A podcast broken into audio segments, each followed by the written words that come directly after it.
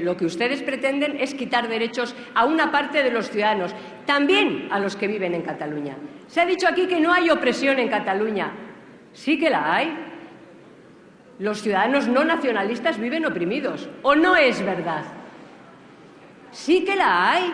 Viven oprimidos. No pueden ocupar el espacio público. Ya lo creo que hay opresión pero no es una opresión del Estado respecto de Cataluña. No, no, son ciudadanos catalanes que oprimen a otros ciudadanos catalanes. Ya lo creo que sí.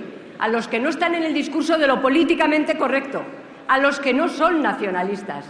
Yo tengo 61 años, hablando de quienes venimos de otras generaciones. 61 años. Durante la mitad de mi vida o una parte muy importante de mi vida era una mala española para el franquismo, porque no era franquista y durante una larga parte de mi vida era una mala vasca porque no era nacionalista. Eso se produce hoy también en Cataluña.